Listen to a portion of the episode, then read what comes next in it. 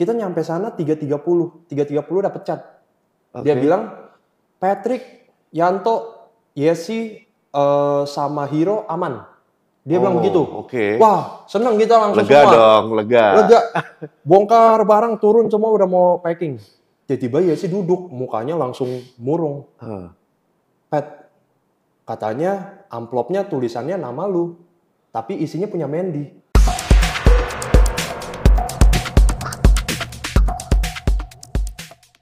Oke, ini dia. Kita udah berada di rosternya Common Ground ya. Ini kali ini saya bersama Patrick Vincentius.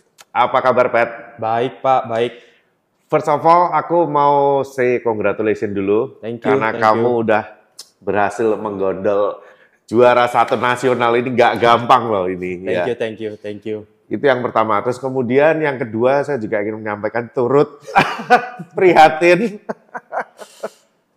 Udah menang juara Betul. nasional, Tapi gagal pergi ke Yunani, ke Iya. Athens. Padahal teman-teman yang lain, Captester berangkat, betul, Brewing berangkat. betul. Mungkin Belum waktunya, belum waktunya. mungkin kamu bisa cerita, kenapa sih kok nggak jadi berangkat sih, Pat?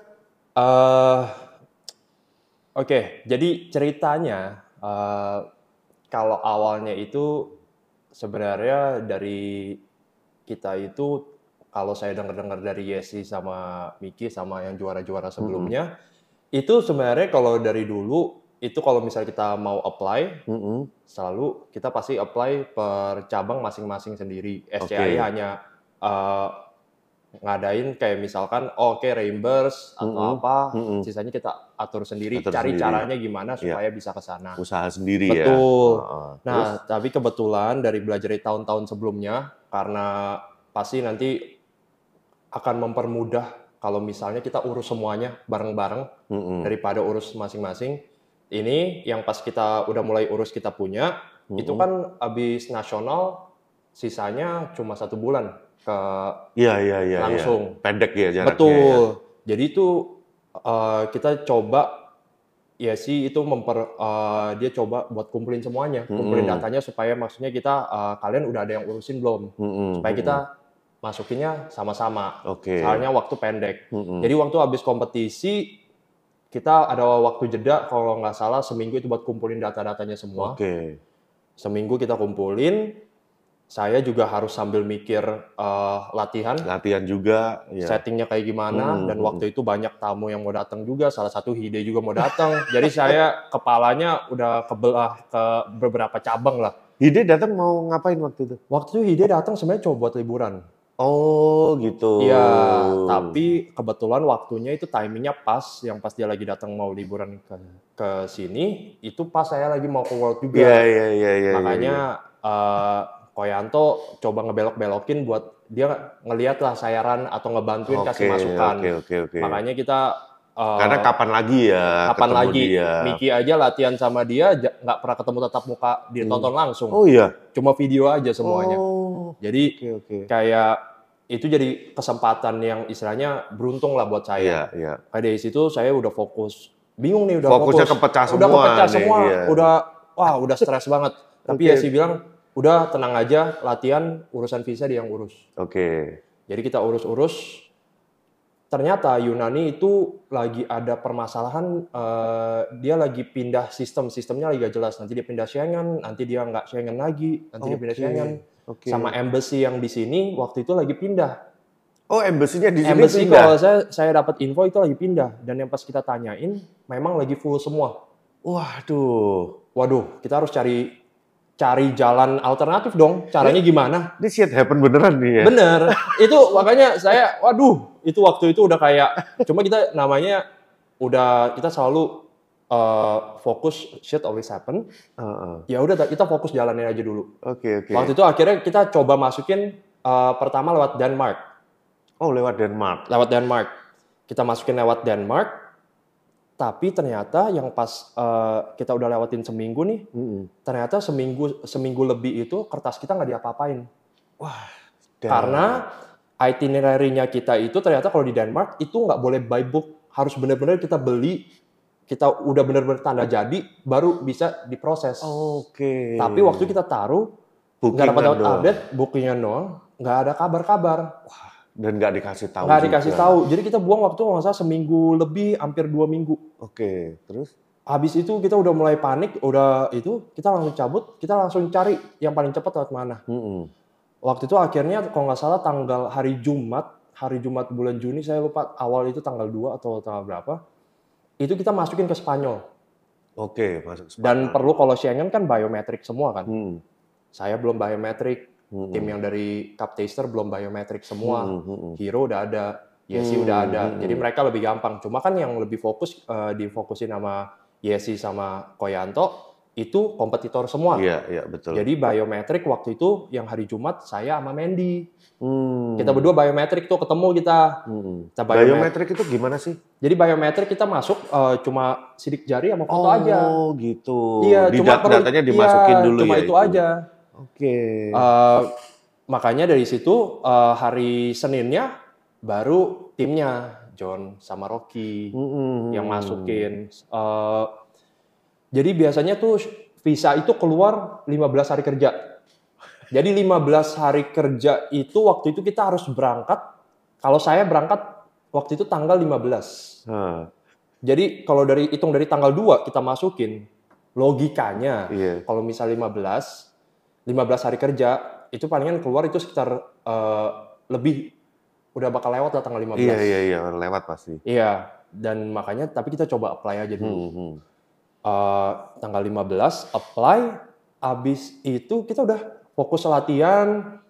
Hide datang, apa udah fokus latihan, udah udah siapin semua sampai hari H tuh belum ada kabar. Damn. Jadi tim yang pertama yang paling berangkat duluan itu Hero sama eh, Hero berangkat sendiri, Mm-mm.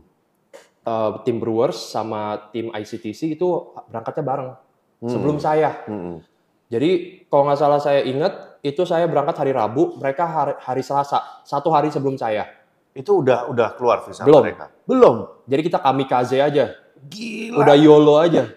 Jadi mereka berangkat, eh, mereka pesawat ke Athens itu cuma ada 6.45 sama besoknya subuh jam 1. Jadi kalau kita mau cancel itu bisa tiga jam sebelumnya. Oke. Jam berarti jam 3.45. Heeh. Tapi biasanya dari buat visanya buat keluar nih dari eh, Spanyolnya eh, apa embassy-nya Spanyol Hmm. ke BLS-nya lembaganya ini itu jam 3 baru OTW. Oh. Jadi makan waktu sekitar setengah jam. Setengah Hmm. jam itu mungkin mereka butuh 10 sampai 15 menit buat bongkar berkas semua. Jadi kita kejar-kejaran tuh 345 itu kita cancel. Kalau Heeh. kita nggak cancel itu ya udah angus tiket kita. Hangus. Kalau kita reschedule itu harganya bisa kita bayar dua kali lipat. Aduh. Itu waktu itu harga udah udah udah pusing deh, harga udah nggak masuk Hmm, akal hmm, semua. hmm, hmm. Cuma harus kita cobain. Tapi waktu itu akhirnya eh, si yang tim Brewers itu akhirnya mereka nggak keluar visanya Oke. hari Selasa itu. Heeh. Jadi mereka cancel semua. Oh, cancel dulu. Mereka cancel dulu semua. Saya kurang tahu mereka cancel atau reschedule lagi, Mm-mm. tapi semuanya nggak dapat semua. Hmm, hmm. Besoknya baru giliran saya, Yesi, Heeh. sama pacar saya. Heeh. Pacar saya udah apply sendiri, Mm-mm. tapi lewat eh, Sweden, Oke. tapi personal. Personal. Kalau saya lewat kantor, bareng Barengan. sama Yesi, eh, sama eh, sama Koyanto dan lain-lain. Mm-mm. Udah jam 3 kita berangkat. Mm-mm. Hati udah nggak tenang di jalan Iya, kan. Iya, iya, iya. Waduh, jam 3 udah Karena udah, belum keluar. belum visanya, keluar. Iya. udah chat terus ke bapaknya, "Pak, udah di mana? Udah di mana?" Eh. Oh, ini masih di OTW, Bu. Saya lagi ikutin mobilnya nih sampai ke BLS segala macam. Waduh, itu udah kita bener tunggu-tungguan, udah kejar-kejaran. Itu ya sih perasaan kita campur aduk lah, Pak. di Iya, jalan iya, itu iya, iya. kita mau coba positif tapi susah juga, Iya. realistis juga. Sampai sana tuh kita nyampe sana 3.30. 3.30 dapet chat. Dia Oke. bilang, "Patrick, Yanto, Yesi eh, sama Hiro aman." Dia bilang Oh, begitu. Oke. Wah, seneng kita langsung lega semua. dong, lega. Lega. Bongkar barang turun semua udah mau packing. Tiba-tiba sih duduk, mukanya langsung murung. Hah. Pet, katanya amplopnya tulisannya nama lu. Tapi isinya punya Mandy. Oh. Wah, itu drop lagi moodnya. Ya sih udah mau nahan nangis, tapi sih nggak keburu nangis, dia langsung lari ke dalam buat Oh. langsung minta cancel. Kalau nggak kita nggak cancel tuh bon angus lagi semua. Mm-mm. Jadi kita minta cancel, kalau nggak salah sempet cancel. Akhirnya yang berangkat cuma Yesi sama pacar saya. Oh gitu. Yesi udah sampai nangis-nangis, udah nggak Iya, enak, iya, udah nggak. iya, iya, Ya iya. cuma maksudnya di sisi lain itu bukan salah Yesi. Iya, memang Yesi kan memang yang bagian urus dia merasa ada tanggung jawab. Dia tanggung jawab pasti. Cuma visa ini kan kita nggak bisa atur. bisa, maksudnya betul, kayak bisa. ini kan dari mereka dari gimana kan? Mm-mm, mm-mm. Akhirnya Yesi cuma bilang ke saya, setiap hari pokoknya tunggu. Waktu itu hari Rabu. Kamu tiap hari ke roastery selalu anggap bakal berangkat hari itu. Oke. Jadi oke. setiap hari saya masuk, udah tunggu nih jam 3 bakal keluar atau enggak namanya. Nah, itu udah udah amburadul lah. Iya iya iya. iya. Udah di sisi lain juga kayak konyol juga. Iya. Jadi ya berasa konyol gitu. Saya udah sampai di sana terus gak jadi berangkat. Akhirnya saya cuma terimain paspor teman-teman yang lain. Hero sama Mandy supaya eh, saya bisa kasih ke mereka Hmm, supaya hmm, mereka hmm. bisa, Bisa yang penting mereka udah udah goal nih Mm-mm. tinggal saya aja kan. Hmm. Saya masih positive thinking. Maksudnya Yang lain Ya, dapat kok. yang lain dapat. Iya. saya sama Mandy kan apply bareng. Iya. Jadi waktu itu mereka mikir karena foldernya ketuker, oh kita cari nih yang Mandy punya nih. Siapa tahu Hmm. yang Mandy punya punya saya kan. Iya iya. Tapi iya. nggak dapet. nggak dapat juga, nggak ada. Hari Kamis nggak ada kabar. Mm-mm. Hari Kamis malah itu dapat kabar kalau misalnya si uh, tim yang Bandung, yang helpernya semua itu John segala macam itu kena reject. Kita kaget. Oh. Kena Reject reject. itu gimana? Jadi uh, jadi kalau misalnya mereka tiap negara itu ada ketentuan Mm-mm. kita kalau misalnya mau apply atau Mm-mm. apa itu ada alasannya harus jelas maksudnya kayak berapa lama dan biasanya kalau misalkan kita dapat visa ini jangan diikutin ya Mm-mm. cuma ini kayak cara mepet karena udah kepepet banget Hmm. kita perlu visa ini kalau misalnya kita mau visa ke Athens Mm-mm. tapi masukinnya lewat Spanyol Mm-mm. Kita mesti bikin itinerary-nya atau bikin kita jalan perjalanan kita itu eh, hari yang kita paling banyak spending itu di Spanyolnya.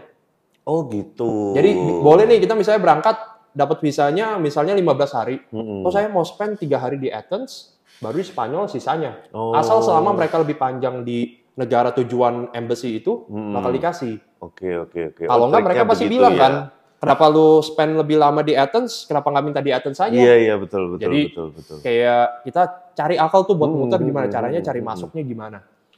Nah, kalau kena reject itu biasanya eh, kayak istilahnya dia reject itu bisa sampai tiga kali. Oh, oke. Reject sekali, reject kedua kali. Biasanya kalau reject kedua kali, yang ketiga kali itu udah istilahnya udah blacklist. Udah nggak bisa Udah ya. nggak bisa sampai kita ganti paspor baru. Waduh, blacklist soalnya ya. Iya. Nah, itu biasanya tuh ada alasan khusus lah. Misalkan apakah karena surat kita kurang lengkap atau misalnya keuangan kita Hmm. kurang gimana. Cuma kan kalau berdasarkan kantor itu selalu pakai rekening kantor semua. Iya iya iya. Dan Nah, itu yang kena reject tadi itu? itu yang tim dari Bandung. Hmm. John, Rocky sama satu tim Iya, dia mereka iya, iya, juga. betul. Nah, baru dari situ eh, kita bingung nih. Udah mulai bingung. eh, Hero coba Hero coba coba cari cara. Hah. Dapat eh, kayak invitation visa Oh, oke. lewat saya lupa waktu Hungary atau Budapest. Asalkan ada kantor yang mau sponsor. Oke. Sponsor as in kayak kita mau bakal adain training Hmm. atau misalnya kita pop up di sana. Oke. Nah, Gila, semua cara dipakai nih ya. mau nggak mau buat Indonesia, Pak. Gila. Nggak nggak cuma buat personal kita, buat brand kita, tapi yang kita jadi tanggung jawab kita kan ini ini ini buat Indonesia. Kita kalau kasih setengah-setengah doang, Betul. ngapain? Cuman masalahnya kamu fight buat Indonesia. Indonesianya tahu nggak kamu fight? Ah. Masalah itu sih, yang penting saya kasih 100% betul, dulu. betul, betul. Masalah dia orang tahu atau enggak, aduh. Kayaknya dari sebelum-sebelum saya, Miki juga udah kasih 110% juga. Kayaknya mereka nggak nyadar-nyadar juga. Terus terus habis gitu? Nah, baru habis itu dibukain jalan itu. Heeh. Hero langsung tanya ke saya, "Em, jadi Patrick mau gimana? Mau Hmm. ikut jalur ini atau tetap nungguin yang Spanyol ini? Mm-mm. Kalau misalkan saya udah ada jawaban, misalnya saya di reject, Mm-mm. mungkin saya ikutin mereka. Tapi Oke. masalahnya saya belum ada belum kan. ada jawabannya. Dan kalau misalnya saya ambil juga berkas-berkasnya, saya bakal diurusnya mulai start hari Senin juga. Jadi Oke. mending saya tunggu tunggu dulu dong. Jadi saya tunggu sampai hari Jumat. Mm-mm. Jadi eh, mereka yang lain udah pakai lewat jalur hero itu. Mm-mm. eh, akhirnya udah saya tetap nunggu. Ternyata hari Jumat tiba-tiba Yesi udah kayak ngajak ngajak ngomong serius. Mm-mm. Maksudnya Yesi bilang apa pun yang terjadi, Mm-mm. if everything goes south Mm-mm. ke bawah nggak sesuai rencana kita, just deal with it. Mm-mm. Mm-mm. Siapin mental, we're trying our best. Mm-mm. Kalau misalnya nggak dapet, ya udah. Mm-mm. Mm-mm. Udah hari Jumat kita nungguin. Feeling saya udah mulai nggak enak. Iya, iya. Soalnya 345 dia belum ada balasan. Oke. Logika saya kalau misalnya 345 udah nggak ada balasan, istilahnya dia cari-cari tapi nggak dapet dapet nih. Hmm. Akhirnya dapet waktu itu jam, kalau nggak salah jam jam 4 kurang. Mm-mm. Dia bilang Patrick reject. Oh, akhirnya ada Ada statusnya ada muncul. statement Patrick reject. Reject. dengan alasannya katanya kalau dari embassy Spanyolnya kayak alasannya kurang kuat, alasannya kurang jelas, Hmm. eh, arahnya kurang jelas. Padahal surat saya isinya semua sama kayak Yesi sama kayak Koyanto. Lucu ya. Makanya lucu. Cuma Lucu saya ya. makanya saya balikin eh, makanya saya diledekin kan sekarang gara-gara Iya. paspor saya terlalu bening kan. nggak nggak pernah jalan-jalan Nggak pernah keluar. keluar. Tapi kalau saya jalan-jalan gimana saya latihan sama kerjanya dong? iya, betul, kan? betul. Cuma ya itu jadi bahan-bahan ledekan Iya, di mana iya, kayak iya, ya sekarang udah jadi hal, hal lucu lah. Iya, iya. Cuma saat itu kan stres, semua stres. Iya. Ya si nangis, Yanto nelpon saya, Heeh. semua langsung kita langsung diskusi. Kita mau ambil keputusan gimana? Mm-mm. Yanto, kok Yanto, kok Yesi sama Miki semua balikin ke saya semua. Saya maunya gimana? Mm-mm. Saya sejujurnya kalau dari saya benar-benar mau tetap berangkat.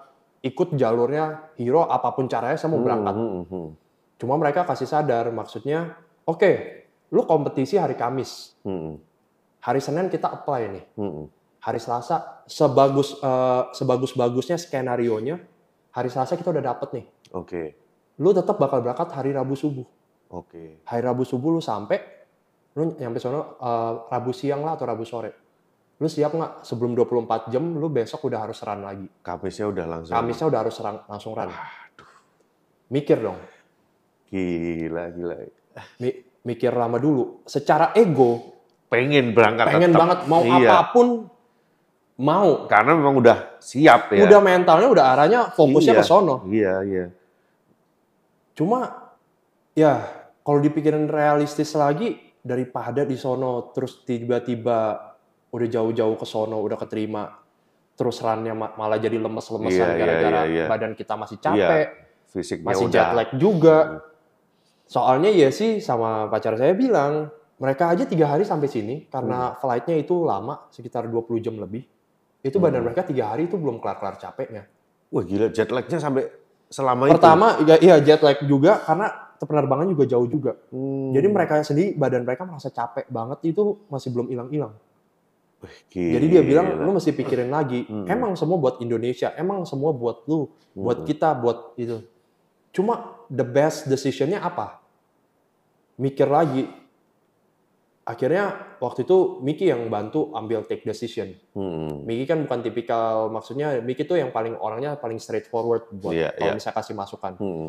ya sih sama Koyanto itu selalu kasih semua pilihan buat saya yang pilih Hmm. Hmm. tapi Miki selalu bilang Pat kayaknya nggak bisa deh Hmm. lu mendingan deferred candidacy, uh, candidacy aja Hmm. Lu- tunda dulu memang kecewa memang itu cuma kayaknya ini harus dijalanin Hmm. Hmm. ah waktu itu abis telepon nangis apa Iyalah pastilah gila. kita persiapan segala macam ya berat sih berat itu weekend weekend terberat saya Wah gila.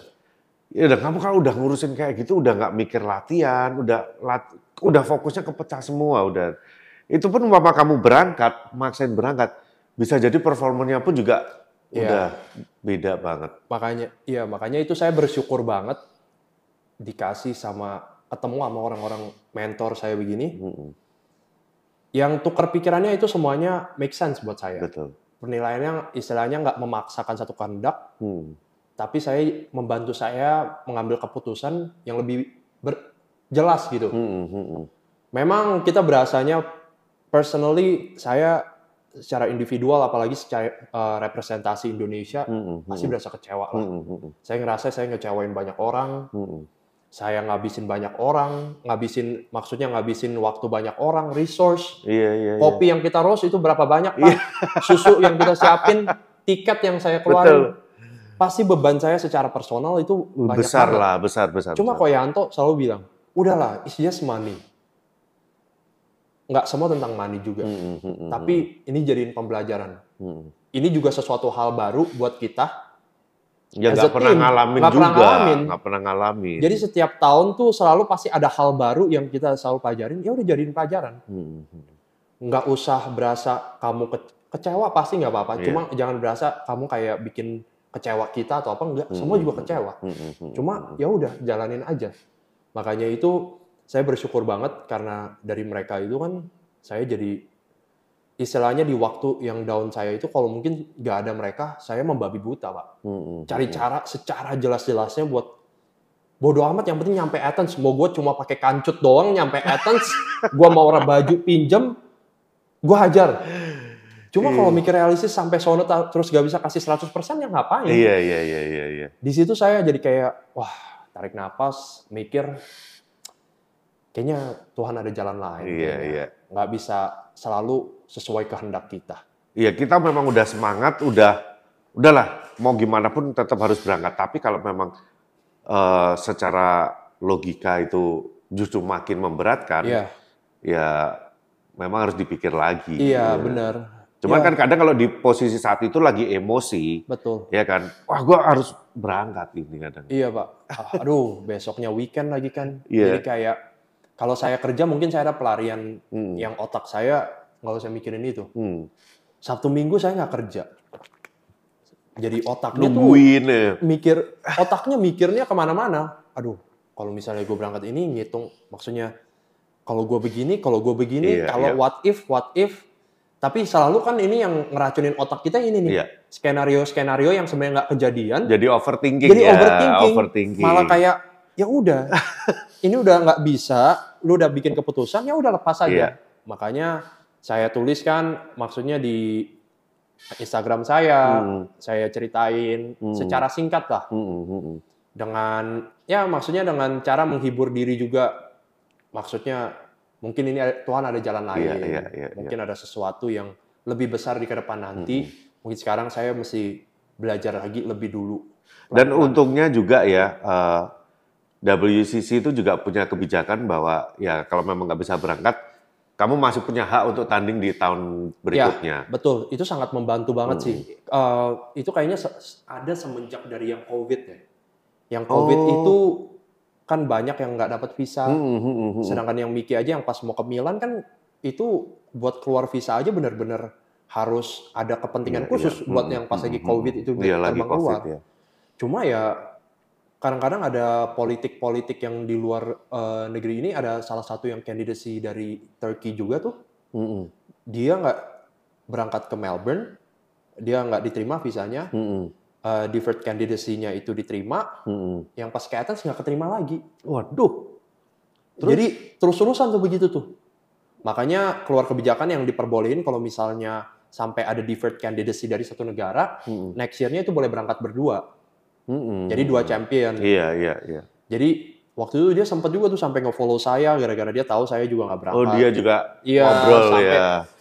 Waktu itu dia sampai marah-marah di Oh. saya nggak ngerti waktu itu di Turkey itu ada masalah apalah sama itu tapi mereka bilang itu kayak ada masalah politik makanya mereka Iya, visanya iya, nggak iya, diterima. iya, iya. Jadi setiap negara kan ada kepentingan Iya, masing-masing. betul, betul. Cuma itu ya yang di luar jangkauan kita. Iya betul, di luar jangkauan kita dan buat kita di yang di Indonesia ini selama ini sih anak-anak pada berangkat-berangkat aja. Baru saya Hmm. pertama kali Iya, nggak iya, berangkat. betul. Ya jadi kalau sekarang dengernya lucu ya, jadi lebih arah konyol ya. Cuma ya udah lah ya. Saya jadi bahan ledekan aja sekarang di kantor. Ya, jadi so next year kamu nggak compete, tapi kamu latihan buat nyiapin ke. Betul, betul. Saya nyiapin langsung ke Busan langsung. Tapi saya harus nunggu juga apa surat uh, approval dari WCC-nya. Oh gitu. Oh emang belum belum keluar. Belum keluar, belum keluar. Jadi Oh, yang pas gitu. mereka tahu itu Mbak Mira sama Mm-mm. Ko Henry langsung bantu eh, bantu ngechat. Mm-mm, mm-mm. Eh, waktu itu saya langsung cari tahu di rules regulation ada tuh di halaman Mm. belakangnya Mm-mm. apa aja yang kita harus ajuin kalau kita mau defer candidacy. Oke. Itu ada formnya semua. Kita harus jelasin sejelas-jelasnya, kasih Mm-mm. nomor telepon, kasih body competition kita yang di sini apa. Mm-mm, mm-mm. Dan saya langsung chat juga orang competition WCE-nya ini. Mm-mm. Kalau bilang langsung saya nggak bisa datang Oke. supaya mereka langsung tahu. Iya, Jadi iya, yang pas iya. Miki nyampe di Athens itu semua udah pada tahu. Kalau Oke. misalnya kompetitor dari Indonesia itu nggak bisa datang. Tapi pacarnya sama trainernya sama barang-barangnya ada di situ semua. at least, at least mereka bisa lihat kalau misalkan kalau saya serius. Serius. Soalnya barang saya di sana semua. Iya. Kopi udah di sana, susu udah di sana, ingredients udah di sana, orangnya doang pak yang nggak ada. Aduh. Kalau Yesi mau yang lanjutin sebenarnya bisa-bisa aja. Cuma saya best tahun depan nggak kompetisi. Aduh gila, tapi itu ini ya menegangkan ya minggu-minggu itu ya berarti ya. Wah roller coaster banget. Aku sih nggak ngebayangin sampai seintens itu loh. Aku kira dia pada ngajuin terus eh, akhirnya ditolak, reject gitu. Tapi setelah setelah dengar cerita kamu gila intens banget loh itu. Iya. In, buat buat saya sih mungkin saya gara-gara kompetitor Yesi yang suruh saya tenang aja dia yang urusin. Mungkin saya bisa tarik napas sedikit Iya, ya. iya. Saya percayain semua ke dia. Cuma buat Yesi yang ngurus setiap hari harus update Iya iya iya. sampai Dia Putar ngerasa kepala. beban lah pasti. Pasti, dia. pasti. Dia, iya sih pasti ngerasa beban. makanya saya lebih kepikiran ke arah Yesi. Kalau buat saya, saya kompetitor, saya udah dikasih privilege buat fokus latihan. Ya udahlah, saya Hmm. jalan aja. Cuma memang itu intens banget. Itu perasaan kita campur aduk. Campur aduk banget. Ah, Ya nggak apa-apa lah. Tapi ya udah selesai, udah lewat ya. Sekarang lebih legowo. betul, Ya jadi kita prepare for next year lah. ya. betul, betul. Jadi paling nggak mau berdua barengannya sama siapa ya belum tahu. Nggak, belum tahu. Yang penting jalan dulu aja. Udah. Oke, kita balik dulu, Pet. Itu kan pengalaman kamu kemarin akhirnya udah dijelasin ya, teman-teman juga udah akhirnya sekarang juga udah tahu masalahnya kenapa dan tapi kamu juga masih ada chance buat eh, tahun berikutnya. Ya. Nah, kita balik lagi ke kompetisi kamu kemarin nih. So kamu akhirnya bisa dapat eh, juara satu nasional nih. Mungkin kamu dulu kan namanya belum begitu naik. Orang-orang eh, taunya mungkin kamu freshman. Ya. Padahal sebenarnya enggak juga. Kita aja udah tahu dari sejak kamu masih di Nine Cups. Nine Cups ya kan. Ya, kamu betul. latihan waktu itu. Ya. Terus pernah latihan juga di ABCD. Diteriakin guys, dibentak. Pertama kali ketemu dibentak. Gemeter saya. Langsung grogi. Langsung grogi. Espressonya sampai tumpah. Espresso tumpah. Langsung ngesajiin di depannya ada Ijam, ada Fakri. Aduh. Itu tahun berapa ya, Pet ya? Dua, kayaknya itu pertama kali Pak yang di regional Noah Barn 2019 kalau nggak salah. 2019. Iya. Atau enggak 2018 kali? Atau 2018 atau 2019 Iya, saya, iya, iya, saya iya, lupa. Itu kamu masih kuliah ya? Iya masih kuliah, Kamu masih kuliah, kamu udah masih Eh. numpang orang latihan. Wah itu banyak ya Pak. udah ikut kompetisi, ya kan? Iya. Gila. Jadi kamu perjalanannya itu sebetulnya sebelum kamu jadi champion ini, kamu mulainya dari mana dulu nih? Eh, sebenarnya semua berawal dari karena saya kuliah ya. Mm-mm. Saya kuliah di jurusan teknik sipil Mm-mm. di Untar dan biasa kalau misalnya di sana tuh teknik sipil itu empat tahun lulus itu pinter banget. Oke. Lima tahun oke lah. Standar. Iya. Enam tahun ya masih bisa diterima lah. Tujuh tahun ya udahlah, ini udah mentoknya kan. Saya kebetulan yang ya biasa-biasa lah. Jadi kamu berapa tahun? saya enam setengah tahun, Wih, lama juga ya. lama juga. Oh my God. Terus, terus? Itu karena ada alasan tertentu. Ini saya pembelaan, pembelaan. Oke, oke. Didengerin dulu. Biar. Jadi, jadi saya sebenarnya bisa lulus itu lima tahun. Mm-mm. Cuma saya sengaja extend jadi enam setengah tahun. Karena saya punya eh, kayak janji sama diri saya sendiri, orang tua saya itu cuma bayarin sampai 4 tahun. Oh, Oke, Kuliah. oke.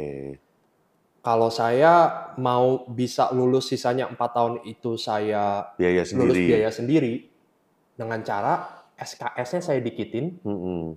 Memang saya bakal uang bayar uang bangunan lebih gede, Mm-mm. tapi secara SKS itu saya panjangin. Mm-mm. Jadi saya bisa lebih fokus eh, kerja, cari Mm-mm. uang sambil kuliah. Mm-mm. Jadi waktu itu saya makanya saya mikir, habis empat tahun itu saya mikir mau kerja apa ya? Mm-mm. Waktu itu ada tiga pilihannya. Pertama jadi personal trainer, saya suka Mm-mm. nge-gym waktu itu. Oke. Yang kedua saya bantuin dosen saya. Ah-ah. Yang ketiga saya ada kakak perempuan cici saya itu suka-suka coffee hopping. Oke. Dia waktu itu pertama kali ke Nine Cups tuh. Dia kenal Jubul sama lain-lain. Iya, dia iya, bilang ke iya. saya, coba aja jadi barista. Oke. Terus saya baru pertama kali dengar, apaan sih barista nggak jelas. Minum kopi nggak tapi dulu? Enggak, Iya, apalagi nggak minum nggak kopi. minum kopi. Oke. Cuma bisa, bisa minum. Dari Iya, dulu saya iya. nggak ada sakit mah. Jadi saya Ah. apa aja saya bisa Iya. bisa makan. Cuman bukan yang pengopi Enggak. tiap hari kan? Enggak, Oke, terus? Udah, akhirnya PT itu nggak bisa part time. Mm-mm. Bantuin dosen itu ternyata subuh doang. Mm-mm. Sisanya saya kosong hari Oke. itunya. Ya udah saya coba jalanin barista. Ya udah, habis jadi jalanin barista itu saya pertama kali mikir saya mau ambil sertifikasi. Kok Cili dia bisa terima kamu, kamu no experience kayak gitu? Nah, waduh, ini kalau bisa diceritain sih sebenarnya sekarang sih malu banget ya. Kenapa? Jadi itu Nine Cups itu di samping kampus, saya, Kampus, iya. di samping samping banget kampus Hmm. saya. Saya nggak pernah mau liatin Nine Cups dulu. Oh ya, kenapa? Soalnya kan kafenya kayak kecil gitu. Ya rumahan. Iya gitu, rumahan. Iya, iya. Cici saya selalu, selalu, nongkrong di situ. Hmm. Jubul kan waktu itu zaman-zaman dia nge-shift di situ. Semua bilang, masuk situ, masuk situ. Aduh nggak mau ah, gue maunya Starbucks. Iya, kamu maunya yang keren kan? merah, Iya, kamu gini-gini. itu nggak keren. Iya. ya. Ya udah, akhirnya saya ambil kelas di Tanah Merah, baru apply-apply. Susah juga nih, nggak dapet-dapet nih. Ternyata sertifikasi nggak menjamin apa-apa. Oke. Oh, a- akhirnya ke saya ke samping itu, ngopi-ngopi dulu biasa. Hmm. Eh, kopinya rasanya lucu-lucu juga nih. Iya. lokal semua. Iya. Akhirnya ya udah ngomong-ngobrol sama baristanya seminggu, akhirnya bilang coba aja apply. Mm-mm. Apply deh, saya apply minta minta izin ke cicinya, apply segala macam saya apply. Waktu itu saya barista-barista yang istilahnya tuh kalau sekarang barista Gen Z kali, yang nggak Iya. ada attitude-nya. Email nggak ada subjek, langsung PDF. Oh, Waduh, nggak punya manner banget. nggak ada manner. Langsung apply ke Cici. Untungnya, puji Tuhan ya dipanggil. Untuk ya itu ajak ngobrol.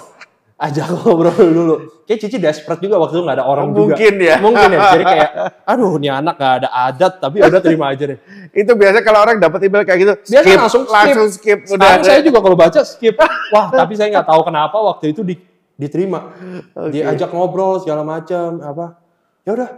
Ternyata di situ jam kerjanya fleksibel. Nggak ada full time. Oh, oke. Part-time oke, semua. Oke, oke, oke. Part time-nya satu shift itu tiga jam. Eh, enak banget. Dari jam Cuma tiga 9 jam. sampai jam 9 malam. Oke. Jadi kalau misalnya kita lagi kuliah lagi kosong, suka Hmm. kan kita jam 7 masuk, kelar jam 9, Hmm, hmm, hmm. terus kosong nggak apa-ngapain, Hmm, hmm, kelas lagi jam 1. Nah itu saya nge-shift tuh, Hmm. tengah-tengah, jadi kita ganti-gantian. Dan keterima, jadi di situ tuh saya belajar banyak Pak. Hmm. Di situ tuh ternyata harus bisa masak.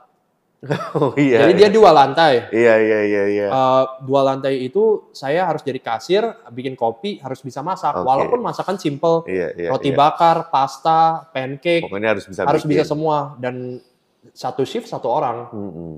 dan di sini yang saya belajar banyak karena Cici nggak pernah ada standar SOP Oh ya? jadi kalau kalian datang baristanya beda itu mereka cara ngebrunya beda semua Oh, cara gitu. kita ekstraksi kopi beda Mm-mm. cara kita masak beda cara kita ngebrew kop, ngebrew manual brew beda Oh, semua tuh ada ciri khas nggak- tapi semua harus by approval kalau kita kasih Cici Cici bilang oh oke Oh gitu. Tapi semua dibebasin buat untuk bikin dengan caranya sendiri. Betul. Semua dibebasin. Nggak diharuskan 15 gram. Lu kalau lapar tinggal bikin masak sendiri. Oke, Boleh. oke, oke, oke. Jadi itu berasa cici itu kayak istilahnya kayak kak- kayak cici kita. Iya, kayak iya, cici iya, kandung iya, kita. Iya, iya, iya. Jadi kayak berasa nggak kayak tempat kerja. Jadi di situ saya mulai belajar. Karena saya dikasih kebebasan itu, saya berani explore lebih jauh. Oke. Saya cari tahu, oh espresso gimana sih? Ketemu apalagi di situ ada slow bar-nya, ketemu Iya, orang, Iya, iya, iya. ketemu Ojet pertama kali di situ, ketemu ketemu Ko Henry pertama kali di Hmm, situ, hmm, ketemu banyak orang kopi di Iya, situ, iya, iya. dan kita jadi tukar pikiran. Dan selalu yang mereka bilang kalau ke situ Sunda aromanisnya yang paling enak. Iya betul. Paling Jadi- terkenal dulu. Betul. Jadi dari situ saya udah mulai, oh Cici ternyata orang kopi lama juga nih. Hmm, Dari situ saya belajar, belajar, belajar, ro- roasting, nontonin dia roasting segala macam. Dari situ Pak saya belajar banyak. Itu sambil sembari saya kuliah. Dan am- sampai akhirnya kamu memutuskan mau ikut kompetisi itu, kamu berapa lama kerja di Nine Cup itu? Satu tahun. Satu tahun terus kamu berani ikut kompetisi. Soalnya saya denger eh, dari banyak orang, dari barista-barista itu, Cici tuh support banget mau ikut kompetisi. Cici tuh bukan tipikal orang yang mau di depan layar. Hmm, hmm, hmm, Dia orang yang selalu kayak, ya udah apa-apa di belakang layar, Hmm, hmm, hmm. anak-anaknya aja yang maju. hmm, hmm, Dan menurut saya, waktu itu Nine Cups itu adalah suatu brand yang underrated banget. hmm, hmm. Yang saya, kalau misalnya saya lulus, saya mau bantu dia nge-push maju. Oke oke oke. Saya waktu itu udah bilang ke Cici juga sampai segitunya. Hmm, hmm. Salah satu caranya gimana? Ya udah saya ikut kompetisi, Ci. Tanpa tahu tuh itu kompetisi apa. Kamu kerja baru setahun. iya, masih barista strawberry, Iya. masih belum tahu apa-apa. Oke. Saya bilang, Ci, saya mau ikut barista kompetisi. Eh, ayo ikut. Berarti waktu itu di coaching sama Lydia langsung ya? Atau Cici gimana? jujur, Cici bilang dia nggak bisa coaching. Oke, terus? Cici cuma waktu itu coaching latte art. Oh, Oke oke. Dia jujur, gue support lu buat ikut barista, tapi Hmm, hmm, gue bantu lu cari yang bisa ngebantuin lu. hmm, hmm. Tapi lu harus kerja keras juga. Jadi kita cari tuh ke mana-mana Hmm. pak, yang bisa ngebantu coach saya. Hmm, hmm. Sampai waktu itu salah satu klien kita eh, itu dia punya mesin White Eagle. Hmm, hmm, Saya langsung nanya ke dia. hmm. Dia waktu itu udah pernah bantuin dia eh, bantuin eh, anak-anak di Banjarmasin waktu itu buat Oke. kompetisi. Hmm, hmm, Jadi saya langsung bilang ke dia, namanya Koriko. hmm. Kok saya mau latihan? Boleh nggak saya latihan di sini? Rico ini, Rico Juri bukan? Bukan. Oh bukan. Ini Rico kalau misalnya sekarang nama roastery-nya Baby Bread Roastery. Hmm. Saya minta tolong dia, waktu itu nama kafenya Cornerstone. Hmm. Saya minta bantuan dia buat saya training. Saya bakal bayar listrik, saya bakal bayar susu. saya bilang, saya siap bayar apa pun, saya nggak bakal ganggu jam operasional. Oke. Dia bilang, ya udah, gue bakal bantuin lo. Heeh. Tapi lu latihan di, di luar jam operasional. Hmm. Saya okein. Hmm. Soalnya kan di Nine Cups eh, kita pakai single group. Iya, Waktu itu pakai roket. Ya, kamu butuh rutinnya ya. butuh rutinnya. Jujur saya waktu itu saya nggak ngerti saya harus latihan apa. Tapi yang waktu itu cuma ditanemin technical, technical, technical. Iya, iya, iya. Sisanya saya mau ngomong apa aja itu Betul. script cuma jadi itu cuma kayak tiga minggu sebelumnya. Hmm. Saya bener-bener saya nggak ngerti itu kompetisi itu apa. Hmm. Akhirnya udah latihan di situ. Jadi kalau mereka se- selesai operasional tuh jam 10. Bebersih kelar jam 11. Jadi Hmm. saya baru latihan itu start jam 11. Oke. 11 malam. Eh, jadi saya nge-shift, waktu itu saya udah mulai full time di Nine Cups. Jadi saya orang pertama dan terakhir yang full time di Nine Cups. Ah, ah. Karena Cici udah nggak mau lagi. jadi saya waktu itu udah mulai eh, tinggal skripsi. Iya. Jadi saya kerjaan lebih santai. Hmm. Saya bisa fokus latihan dia, anterin ke klien, ketemu klien. Saya banyak lah. Jadi saya fokus eh, urusin Tokopedia. Hmm. Saya fokus ngurusin semuanya Hmm. sambil ngurusin kompetisi. Hmm. Jadi saya latihan waktu itu saya jaga dari jam 9 sampai jam 9 malam. Selesai jam 9 malam eh, saya OTW ke sana, nyampe sana jam 10. Hmm. Saya langsung bantu buru-buru closing tuh Hmm. supaya saya bisa cepet-cepet Bisa pakai. latihan. Iya. Hmm. Saya cepet-cepet pakai latihan tuh jam 11. Palingnya dia selesai jam 1, jam 2 subuh Iya, iya, iya. Sendirian berarti. sama Koriko. Sama Rico itu Sama dipandu Rico, juga ya Iya, sama dan dia. mereka barista-baristanya eh, stay di situ buat main-main aja. Oke, oke, oke. Tapi oke. saya fokus latihan di situ. Hmm. Tapi waktu itu saya latihan saya jedain karena tahu ya saya bakal bayar. Hmm, hmm. Jadi kopi saya bawa, susu sama mesinnya nyala itu seminggu itu cuma mungkin setengah setengah minggu mungkin cuma Hmm. tiga kali atau Hmm. dua dua minggu Bayar berapa? baru pakai resource. Karena dia lihat keseriusan saya latihan, Nggak dikasih bayar dong. Nggak dikasih bayar. itu itu adalah selalu yang saya pelajarin kalau misalkan apa pun apa pun pasti ada jalannya. Iya, betul. selama orang tuh bakal nolong semangat nolong kita kalau ki- Kita istilahnya kita kerja keras. Betul, betul. Orang jadi semangat. Mm-mm. Kalau kita selalu minta minta minta tolong minta Iya tolong kalau tapi minta males. disuapin doang orang juga malas. Iya, dong. Saya waktu nggak pernah expect bakal susu sama listrik kita nggak dihitung. Hmm. Saya udah hitung sendiri. Mm-mm. Waduh, ini kalau hitung-hitung, wah saya mampunya nih seminggu nih nyalain nih mesin dua kali. Heeh. Jadi saya latihan shadowing, sisanya saya latihan benar-benar pakai kopi, pakai susu. Iya, Hari iya, itu iya, iya. palingan itu cuma run cuma tiga kali, empat Hmm. kali. Karena sisanya udah nggak mampu lagi saya bayar. Biji kopi dikasih sama Cici. Sampai latihan, sampai seminggu sebelum kompetisi tiba-tiba eh, Cici Lydia ngomong ke Ojet, Mm-mm. Jet anak gua udah mau kompetisi. Ojet waktu itu tahun sebelumnya dia masuk. Oh Eh, iya iya, Bali Oja dia. juga ikut ya, yang bareng ikut. ya ya rame-rame itu. Hmm. Jadi lat- bantuin latihan latihan Hmm. saya. Saya bilang, "Tapi kok gua nggak bisa bayar loh. Mm-mm. Saya selalu apa-apa saya uangkan dulu." Iya iya iya iya. Oh, santai aja. Gue belum pernah. Gue mau nge-experience uh, hal-hal baru. Iya iya iya. Jadi gue nggak pernah coaching, nge-coach orang. Makanya gue nggak charge lu. Gue pengen coba rasanya nge-coach orang gimana. Oh jadi yang mandu kamu Ojet. Seminggu terakhir. Oh, oke oke. Jadi Koriko sama itu seminggu terakhir. Ya seminggu terakhir yang kamu dibawa ke ABCD itu.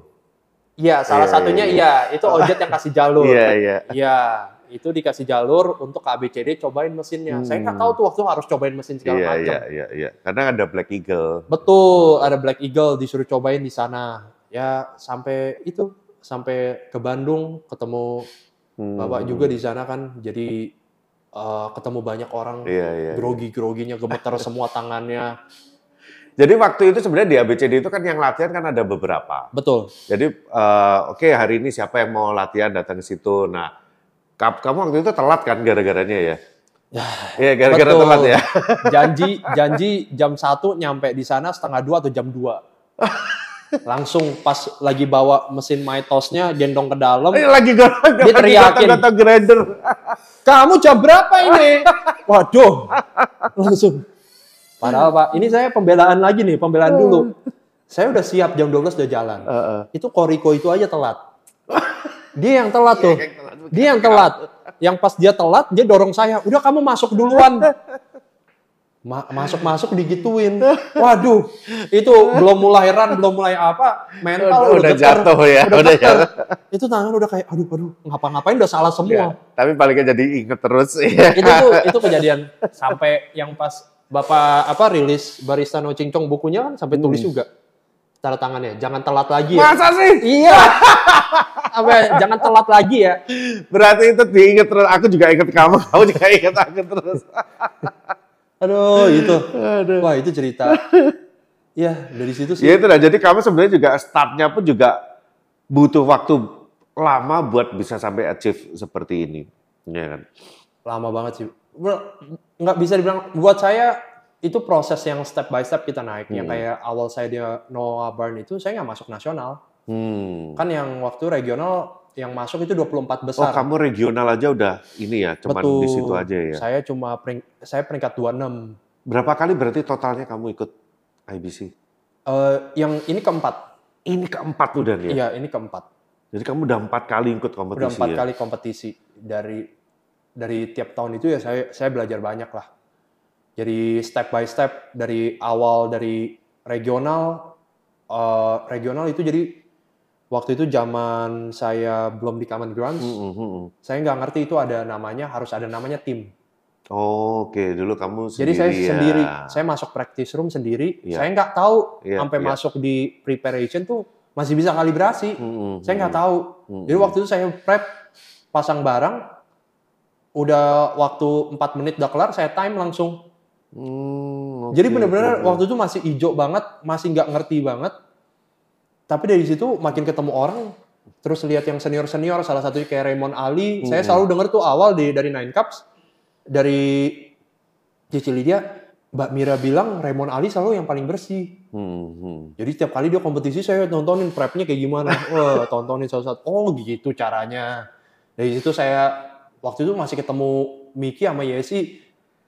Nggak tahu kali saya siapa. Iya, iya, iya, iya. udah iya, saya betul. juga nggak mau tipikal yang orangnya kayak gimana juga kan. Saya ya udah datang kompetisi pulang langsung. Baru nextnya kan langsung yang nasional. Hmm. Nasional saya waktu itu masih bawa nama Nine Cups, tapi saya kerjanya udah di Angan. Oh, yang pernah di di angan ya? Iya. Oke, oke. Waktu itu karena Cici udah bilang udah nggak ada yang bisa ngajarin saya apa-apa Hmm, lagi, hmm, hmm, dia minta saya cari tempat yang lebih bagus buat saya belajar lagi. Gila. Karena ya. saya mau seriusin bener-bener Abis saya lulus, itu teknik sipil saya lepas semua pak. saya fokus 110% di F&B.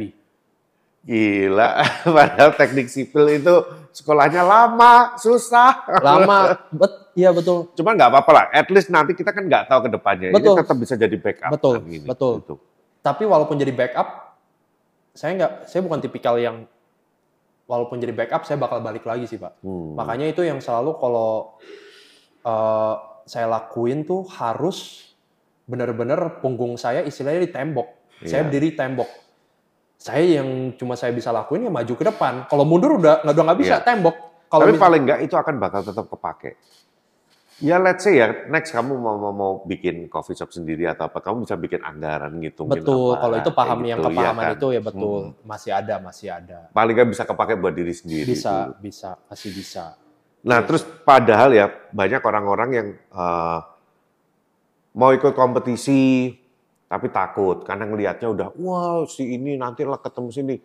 Terus kemudian kalau sama mama ada yang niat semangat ikut ngejarnya pengen langsung ya memang semuanya kalau bisa menang. Tapi kalau kita baru pertama kali ikut ya at least lu tahu dulu medannya Betul. seperti apa.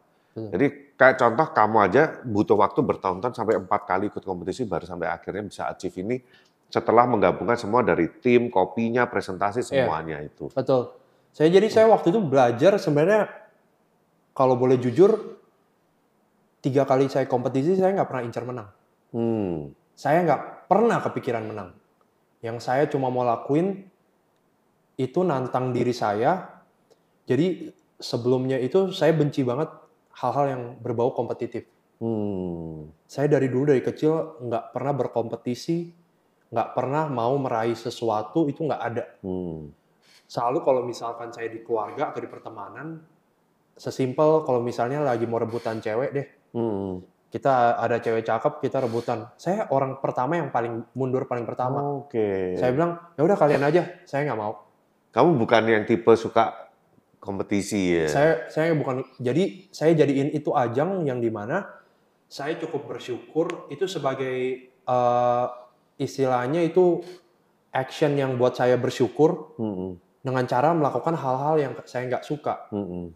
Karena saya udah bersyukur saya bisa kerja di sesuai passion saya, sesuai yang Hmm. saya suka. Kalau saya kerja di bagian gitu-gitu terus aja, saya bakal di zona nyaman terus. Terus caranya gimana saya bisa berkembang ya saya ngelakuin hal yang saya nggak suka. Salah satunya ini kompetisi ini. Oke. Saya oke. waktu itu dua kali pertama itu saya fokusnya itu pertama ngejalanin susah banget. Hmm. Tiap hari rasanya kayaknya mau nyerah. Tapi nggak tahu kenapa orang-orang sekitar saya tuh kayaknya nggak bakal nggak mau nyerah buat Iya, saya iya. kadang-kadang hal-hal seperti itu yang ngebuat saya tetap tetap mau maju. Ternyata kayak istilahnya kalau hidup itu nggak cuma tentang kita, Hmm. tentang orang-orang sekitar kita juga. Hmm. Gimana kita maju, bukan tentang kita, gua personal sebagai Patrick, tapi orang-orang sekitar Patrick yang ngebantu Patrick bisa sampai sekarang. Iya, iya, iya, iya. Jadi gue juara ini, saya juara ini, ini bukan bukan, Bukan saya, sendirian. bukan Iya. achievement achievement saya, tapi achievement orang-orang yang pernah ngebantu saya, salah satu bapak juga yang ngebantu saya bisa sampai sini. Itu menurut saya adalah alasan yang lebih konkret dan lebih kuat kenapa saya tahun ini pengen menang. Wah, gila. Mantap, mantap, mantap. Jadi dari situ awal saya kompetisi saya pelajarin. Ternyata saya merasa tertantang. Hmm. Yang kedua, saya pelajarin medannya, saya udah ngerti, saya mau coba present lebih bagus lagi. Yang kedua itu saya ketemu sama Yesi. Hmm. Yesi jadi judge saya. Siapa yang pernah tahu? Karena dia jadi judge saya yang pas saya angan tutup, Hmm. Hmm. eh, saya nganggur, tiba-tiba Common Grounds Roastery buka eh, lowongan kerja buat Hmm. eh, asisten production manager. Saya apply Kamu di situ. Yesi inget saya karena saya pernah kompetisi. Iya, iya, yang ngejurin Malah dia. dia. bilang dia suruh, eh saya sejujurnya asisten production manager udah ada orang, Heeh, tapi saya butuh trainer. heeh. Kamu mau coba nggak? Coba sampai sekarang. Oke. Jadi kita nggak pernah tahu. Maksudnya jua, mimpi jadi juara boleh, tapi Iya. kadang-kadang eh, value value itu nggak selalu yang bisa kita pelajarin tuh dari piala ini semua. Betul, betul. Karena tanggung jawab di piala ini tuh jauh lebih besar. Hmm. untuk benar-benar jadi champion sebenarnya ya gimana kita kontribusi, contribution kita ke industri itu sendiri. Bukan cuma saya pegang piala ini doang, saya juara satu. Iya, iya. Piala ini hanya cuma tanda doang. Iya, betul. Tapi gimana saya bisa ngejalanin amanah orang-orang yang di sekitar saya, industri saya, saya jalanin ke situ. Menurut saya itu yang arti champion se- sesungguhnya. Betul. Makanya buat saya piala jasa piala, tapi maksudnya lembar yang benar-benar yang saya harus jalanin yang mulai dari sekarang karena saya udah ada kredibel menjadi ini, Mm-mm. semua yang saya keluar dari mulut saya Wah, harus hati-hati harus dong. hati-hati. Harus hati-hati. Wah, saya habis juara ini hari Minggu, hari Senin, Selasa, Rabu dapat pep talk dari Yo dari Koyanto, Miki sama Yesi tiga hari itu karena mulut saya suka kurang dijaga. Jadi saya harus berhati-hati. Betul. ya itulah ya, namanya jadi eh, salah satu tanggung jawabnya champion ya. Kamu jadi role model, kamu dilihat orang, nggak bisa sembarangan. Nggak bisa Ya, sembarangan. bisa sembarangan. Begitu kamu sembarangan, kepleset-kepleset dikit, udah deh, kelar Betul. deh. Apa apalagi kadang-kadang kita nggak pernah tahu perspektif itu banyak sekali di industri ini. Kita ngomong satu hal, mungkin satu orang bisa terima, oke make sense, tapi satu hal dari perspektif lain mungkin bisa ngebelokin jadi Betul. hal lain. Betul. Jadi kadang-kadang itu kan kadang-kadang buat semua orang, apalagi buat orang sa- kayak saya yang cuek-cuek aja, yang Hmm. ngomong-ngomong nyeplos-nyeplos aja, itu bisa menjadi bumerang. Iya, Yang maksud saya intensinya nggak begitu, maksud baik aja bisa dibelokin jadi maksud Betul. jahat, apalagi maksud, eh, maksud yang jahat Hmm. pasti lebih gampang diinterpretasikan kan. Gitu sih Pak. So, jadi kalau barista ikut kompetisi, penting nggak? Kalau mau serius penting. Penting ya. Karena buat saya di industri ini eh, kompetisi ini adalah ajang jadi gimana istilahnya itu kayak trendsetter atau misalnya kita ngelihat nih industri ini nextnya ke mana. Mm-mm. Karena menurut saya tiap tahun itu atau tiap eh, kalau kita tahu rules and regulation itu bakal terus berubah. Berubah, berubah, ngikutin. Berubah ini kenapa? Hmm. Berubah ini karena mereka tiap tiap hari bukan tiap hari tiap tahun dia mereka mau mencari champion yang baru. Iya, Champion baru ini yang bakal istilahnya mengikuti tren yang baru. betul. Kalau mis makanya sorry to say kalau misalnya ini 2022 competition yang 2017 atau yang lalu mungkin nggak relevan untuk Nggak sekarang. relevan. Beda, udah. Betul, karena betul. perubahan itu dan perubahan ini adalah sebenarnya kisi-kisi dari untuk specialty coffee ini kita lihat arahnya bakal ke mana industri ini. Kalau selama kita mau survive dan kita mau ikutin adaptasi terus, salah satu caranya ikut competition. Asal kita tahu value kita yang kita mau sampein di competition itu apa. Oke, Jangan kita cuma asal keren-kerenan, asal gue mau juara, tapi lu abis juara lu nggak tahu mau ngapain, bingung Oke. jadi nggak ada value-nya. Karena menurut saya F&B sekarang coffee industry semua ini kadang-kadang nggak semua itu bisa dinilai dengan uang, Hmm. dengan nominal. Hmm.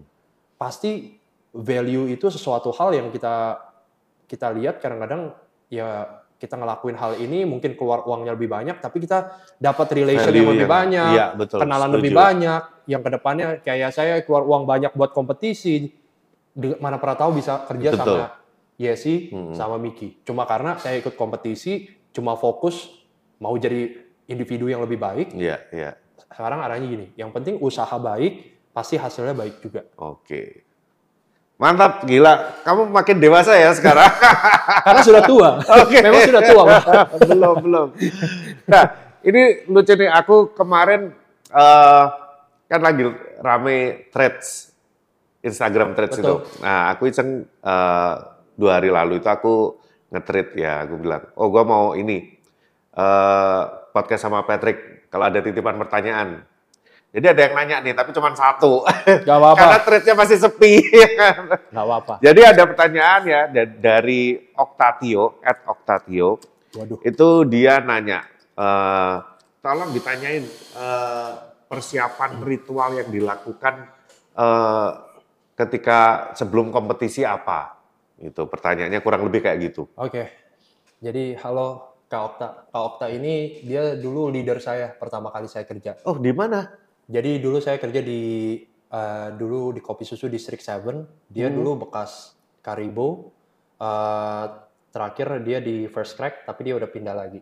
Oh oke oke. Ya, dia oh jadi kamu dulu- kenal ini? Kenal. Oh. Jadi jadi dia leader saya, dia pertama kali uh, saya belajar banyak kopi juga dari dia Oke juga. oke oke. Kalau ritual training itu sebenarnya tiap tahun itu berubah-berubah sih Pak. Mm-mm. Tergantung eh, istilahnya level kita di mana. Mm. Kalau semakin kita mengerti, itu pasti kita persiapannya bisa semakin mepet, tapi bisa jadi bahaya juga. Oke. Karena kita udah terlalu nyaman. Tapi buat saya, selalu saya coba jaga intensitas, itu minimal, itu harus tiga bulan sebelumnya, kita udah mulai siap-siap. Minimal tiga bulan sebelumnya. Minimal. Tiga bulan aja sebenarnya itu udah ngebut-ngebutan kayak, sorry Mepet to lah say, ya. kayak orang gila. Karena disambi kerja juga. Betul, Iya kan? dan ada peraturan di common grounds, kalau misalnya jam kerja itu Ya udah kerja aja. haram hukumnya kita ngomongin tentang kompetisi dan latihan untuk kompetisi. Iya iya iya. Jadi kita selalu latihan di luar jam kerja. Mm-mm. Jadi start kerja jam 8, pulang jam 5, ya kita sesuaiin aja. Mm-mm, mm-mm. Saya biasa sih berangkat pagi pasti sampai sini setengah 6, jam 6 latihan dulu, technical, Hmm. shadowing semua. Sampai sebelum kerja, pulang itu baru ngulik-ngulik uh, sick bath segala macam. Mm-mm. Kalau misalnya masalah ritual itu kalau misalnya saya bagi beberapa klasifikasi dari diri saya ya. Dari pertama kali yang saya lakuin pasti pertama eh, mungkin yang tahun-tahun yang sebelumnya sebelum di CG saya latihan technical paling Hmm. awal. Mm-mm. Menurut saya itu technical itu paling penting karena kalau misalnya technical kita nggak benar gimana kita bisa ngebuat kopi yang enak. Betul.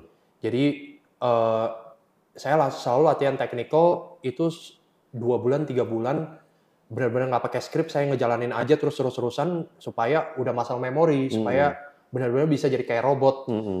supaya yang pas kita udah ngelakuin kalau kita tinggal tambahin speech Ngomong. udah tinggal lebih gampang Iya. mau apa pun kejadian tangan kita udah bisa bergerak Udah sendiri tahu semua sendiri ya. baru setelah itu ya kita cari konsepnya mau ngapain Mm-mm. kalau saya eh, beberapa orang mungkin ada beda. Ada yang mencari kopi dulu, baru Hmm. cari konsep. Mm-mm. Mereka nyesuaiin sama kopinya.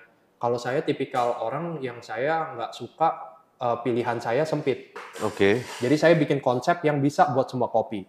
Oh nice. Jadi makanya dari dulu Miki seneng banget bantuin saya karena tiga hari sebelum kompetisi saya kopi saya bisa diubah. Oke oke oke. Kalau misalnya nggak perform atau apa bisa satu klik langsung udah langsung berubah. Mm-mm, kopinya mm-mm, mm-mm. langsung berubah yang lain bisa. Kayak yang nasional baru-baru ini, kopi yang saya dapat itu tiga hari sebelum kompetisi. Sebelumnya Hmm. itu kita coba semua kopi nggak ada yang enak, nggak ada yang cocok. Baru dapatnya tiga Baru- hari sebelum baru tiga hari sebelum itu aja ternyata kopi lama. Kopi yang mau- kopi toko, kopi toko Oh. yang pakai. Cuma kita nggak kepikiran karena kita mencari kopi yang baru, Iya karena iya iya. karena iya. kita kopi udah lagi sedikit pilihannya, kita udah beli di sana beli sini beli sini, akhirnya kopi ternyata yang ada di stage itu Hmm. bisa nih kita pakai. Makanya konsep itu menurut saya eh, itu yang kedua. Mm-mm. Dari konsep itu baru kita nyesuaiin kopi Hmm. apa, sick bath-nya kita mau bikin apa, jalan ceritanya mau kayak gimana. Dari situ sih biasa ritual pasti saya latihan terus, eh, technical itu nonstop, Mm-mm. Eh, script itu latihan pasti ya di motoran, di mandi, kamar mandi. Ngomong. kayak- ngomong, ngomong sendiri, udah kayak orang gila. Kamu naik motor, hello Jajas. iya, pasti begitu. Kadang-kadang di lampu merah orang nggak nggak nyadar udah nengok-nengok kita, kita ngomong-ngomong sendiri. sendiri. Tapi itu emang harus. Iya, Cuma iya, iya. harus dijaga. Karena apa? Karena kalau kita terlalu ngelakuin terlalu sering, jadi plato. Iya, jadi iya, iya, jadi iya, rata. Udah excitementnya udah nggak ada. Mm-mm. Kita ngebawa ini udah datar aja. Iya, Tapi kalau misalnya kita latihannya terlalu sedikit, kita jadi grogi. betul. Jadi kita Harus mesti cari balance, cari harus- sweet spotnya di mana yang kita tahu kalau kita latihan berapa jam eh, sampai totalnya berapa ratus jam itu kita eh, optimalnya di situ. Kalau saya biasa kalkulasi kayak gitu. Jadi biasa ya dari satu kali eh, dari satu para misalnya saya 15 menit eh, perform satu menit itu kalau saya baca orang di teater itu orang bilang satu untuk per satu menit itu lu harus latihan 10 jam. Wah, Jadi totalnya tuh lu harus ya. latihan harus sekitar kayak 100 ya 150 jam. iya iya. Jadi eh, saya cari sweet spotnya sekitar segituan. Tapi memang bahayanya ya kalau skrip yang seperti itu ya, karena eh, beberapa aku juga lihat ada beberapa barista ini yang karena terlalu fokusnya di skripnya dia, ketika di stage itu dia jadi ngerasa yang diomongin itu dia sambil nginget-nginget jangan sampai kelewatan apa yang diomongin. Hmm. Sehingga akhirnya sama judge ini eh, engagementnya jadi kurang. Itu yang yang bahaya kadang itu. Betul, Hmm. betul. Jujur sampai sekarang saya engagement masih susah. Oh iya. Karena kalau misalnya kita main game itu engagement itu kayak crowd control. Hmm, hmm, Gimana caranya kita bisa captivate uh, orang-orang sekitar supaya mau nengok ke kita. hmm. Engagement itu kadang-kadang gini loh Pak susahnya. Kalau kita terlalu fokus technical, speech kita bakal datar. Oke, iya. Kalau kita terlalu fokus speech kita jadi enak, technical kita jadi ngaco nih. jadi plus minusnya kita juga cari maunya yang di mana. Iya. Jadi kita harus pinter-pinter. Kalau saya lebih prefer saya kayak robot, datar, tapi workflow-nya kena semua. Oke. Sebenarnya itu alasan aja sih. Iya, iya, iya. Soalnya Miki bisa dua-duanya. Teknikalnya ya sih juga. Teknikalnya bagus, ngomongnya bagus. Iya. Saya orangnya juga kalau misalnya udah ngerjain-ngerjain apa, udah terlalu apa, ngomong kadang-kadang udah mulai datar Iya, aja. iya, betul, betul. Jadi itu yang menurut saya engagement itu, uh, menurut saya itu kayak ada ada talenta ya. Mm-mm. Tiap orang tuh ada spark. Kalau uh, Ben Put bilang ada sparknya. Iya, iya. Yang gimana kalau kita lihat tuh langsung kayak crowd Orang controlnya, langsung orang langsung, kayak, ya. wah pengen nonton nih. Hmm. Dan menurut saya, saya masih belum ada tuh engagement kayak gitu. Belum belum mendekati Miki sama Yesi mah Hmm, masih jauh banget. Saya masih datar banget. Hmm. Dan menurut saya itu betul engagement itu kalau kita terlalu fokus ke situ, terlalu fokus ke satu hal, itu engagementnya bakal berkurang. Hmm. Ya, ya, oke. Itu jadi tadi eh, pertanyaan dari Okta ya udah Betul. jawab ya. Mudah-mudahan bisa terjawab apa yang ditanyakan Okta. Oke, Pet, buset ngobrol sama kamu nggak ada habis-habisnya. Ada lah Pak. Aduh, seru, seru, seru. Tapi karena keterbatasan waktu, Pet, kita mesti harus closing nih. Oke, Oke, kamu mungkin ada terakhir yang mau disampaikan nggak? eh, untuk disampaikan ya, aduh, banyak sih sebenarnya disampaikan secara heart to heart. Cuma eh, mohon tetap dukungannya, doanya supaya approvalnya keluar supaya bisa Yes. kebusan Betul. next year Um, sama new champion dari yang 2024 nanti. So ya, yeah, wish us luck. Ya, Thank you. kita juga nggak tahu ya siapa champion Betul. berikutnya nanti ya. Kita nggak tahu. Hmm. Oke, tetap support terus Patrick ya. Jangan diledekin ya, diledekin dikit-dikit boleh lah ya. Oke, thank you Patrick ya. Thank you kok. Thank you. Udah meluangkan waktunya, mumpung aku lagi di Jakarta juga kamu bisa eh, masih mau sempetin waktu hari Minggu ini. Akhirnya ngantor. Oke, thank you. Let's close this ya. Oke, teman-teman, thank you udah menonton episode kali ini. Mudah-mudahan apa yang kita obrolin bisa bermanfaat. Dan sampai ketemu lagi di episode berikutnya. Salam no cincong. Bye.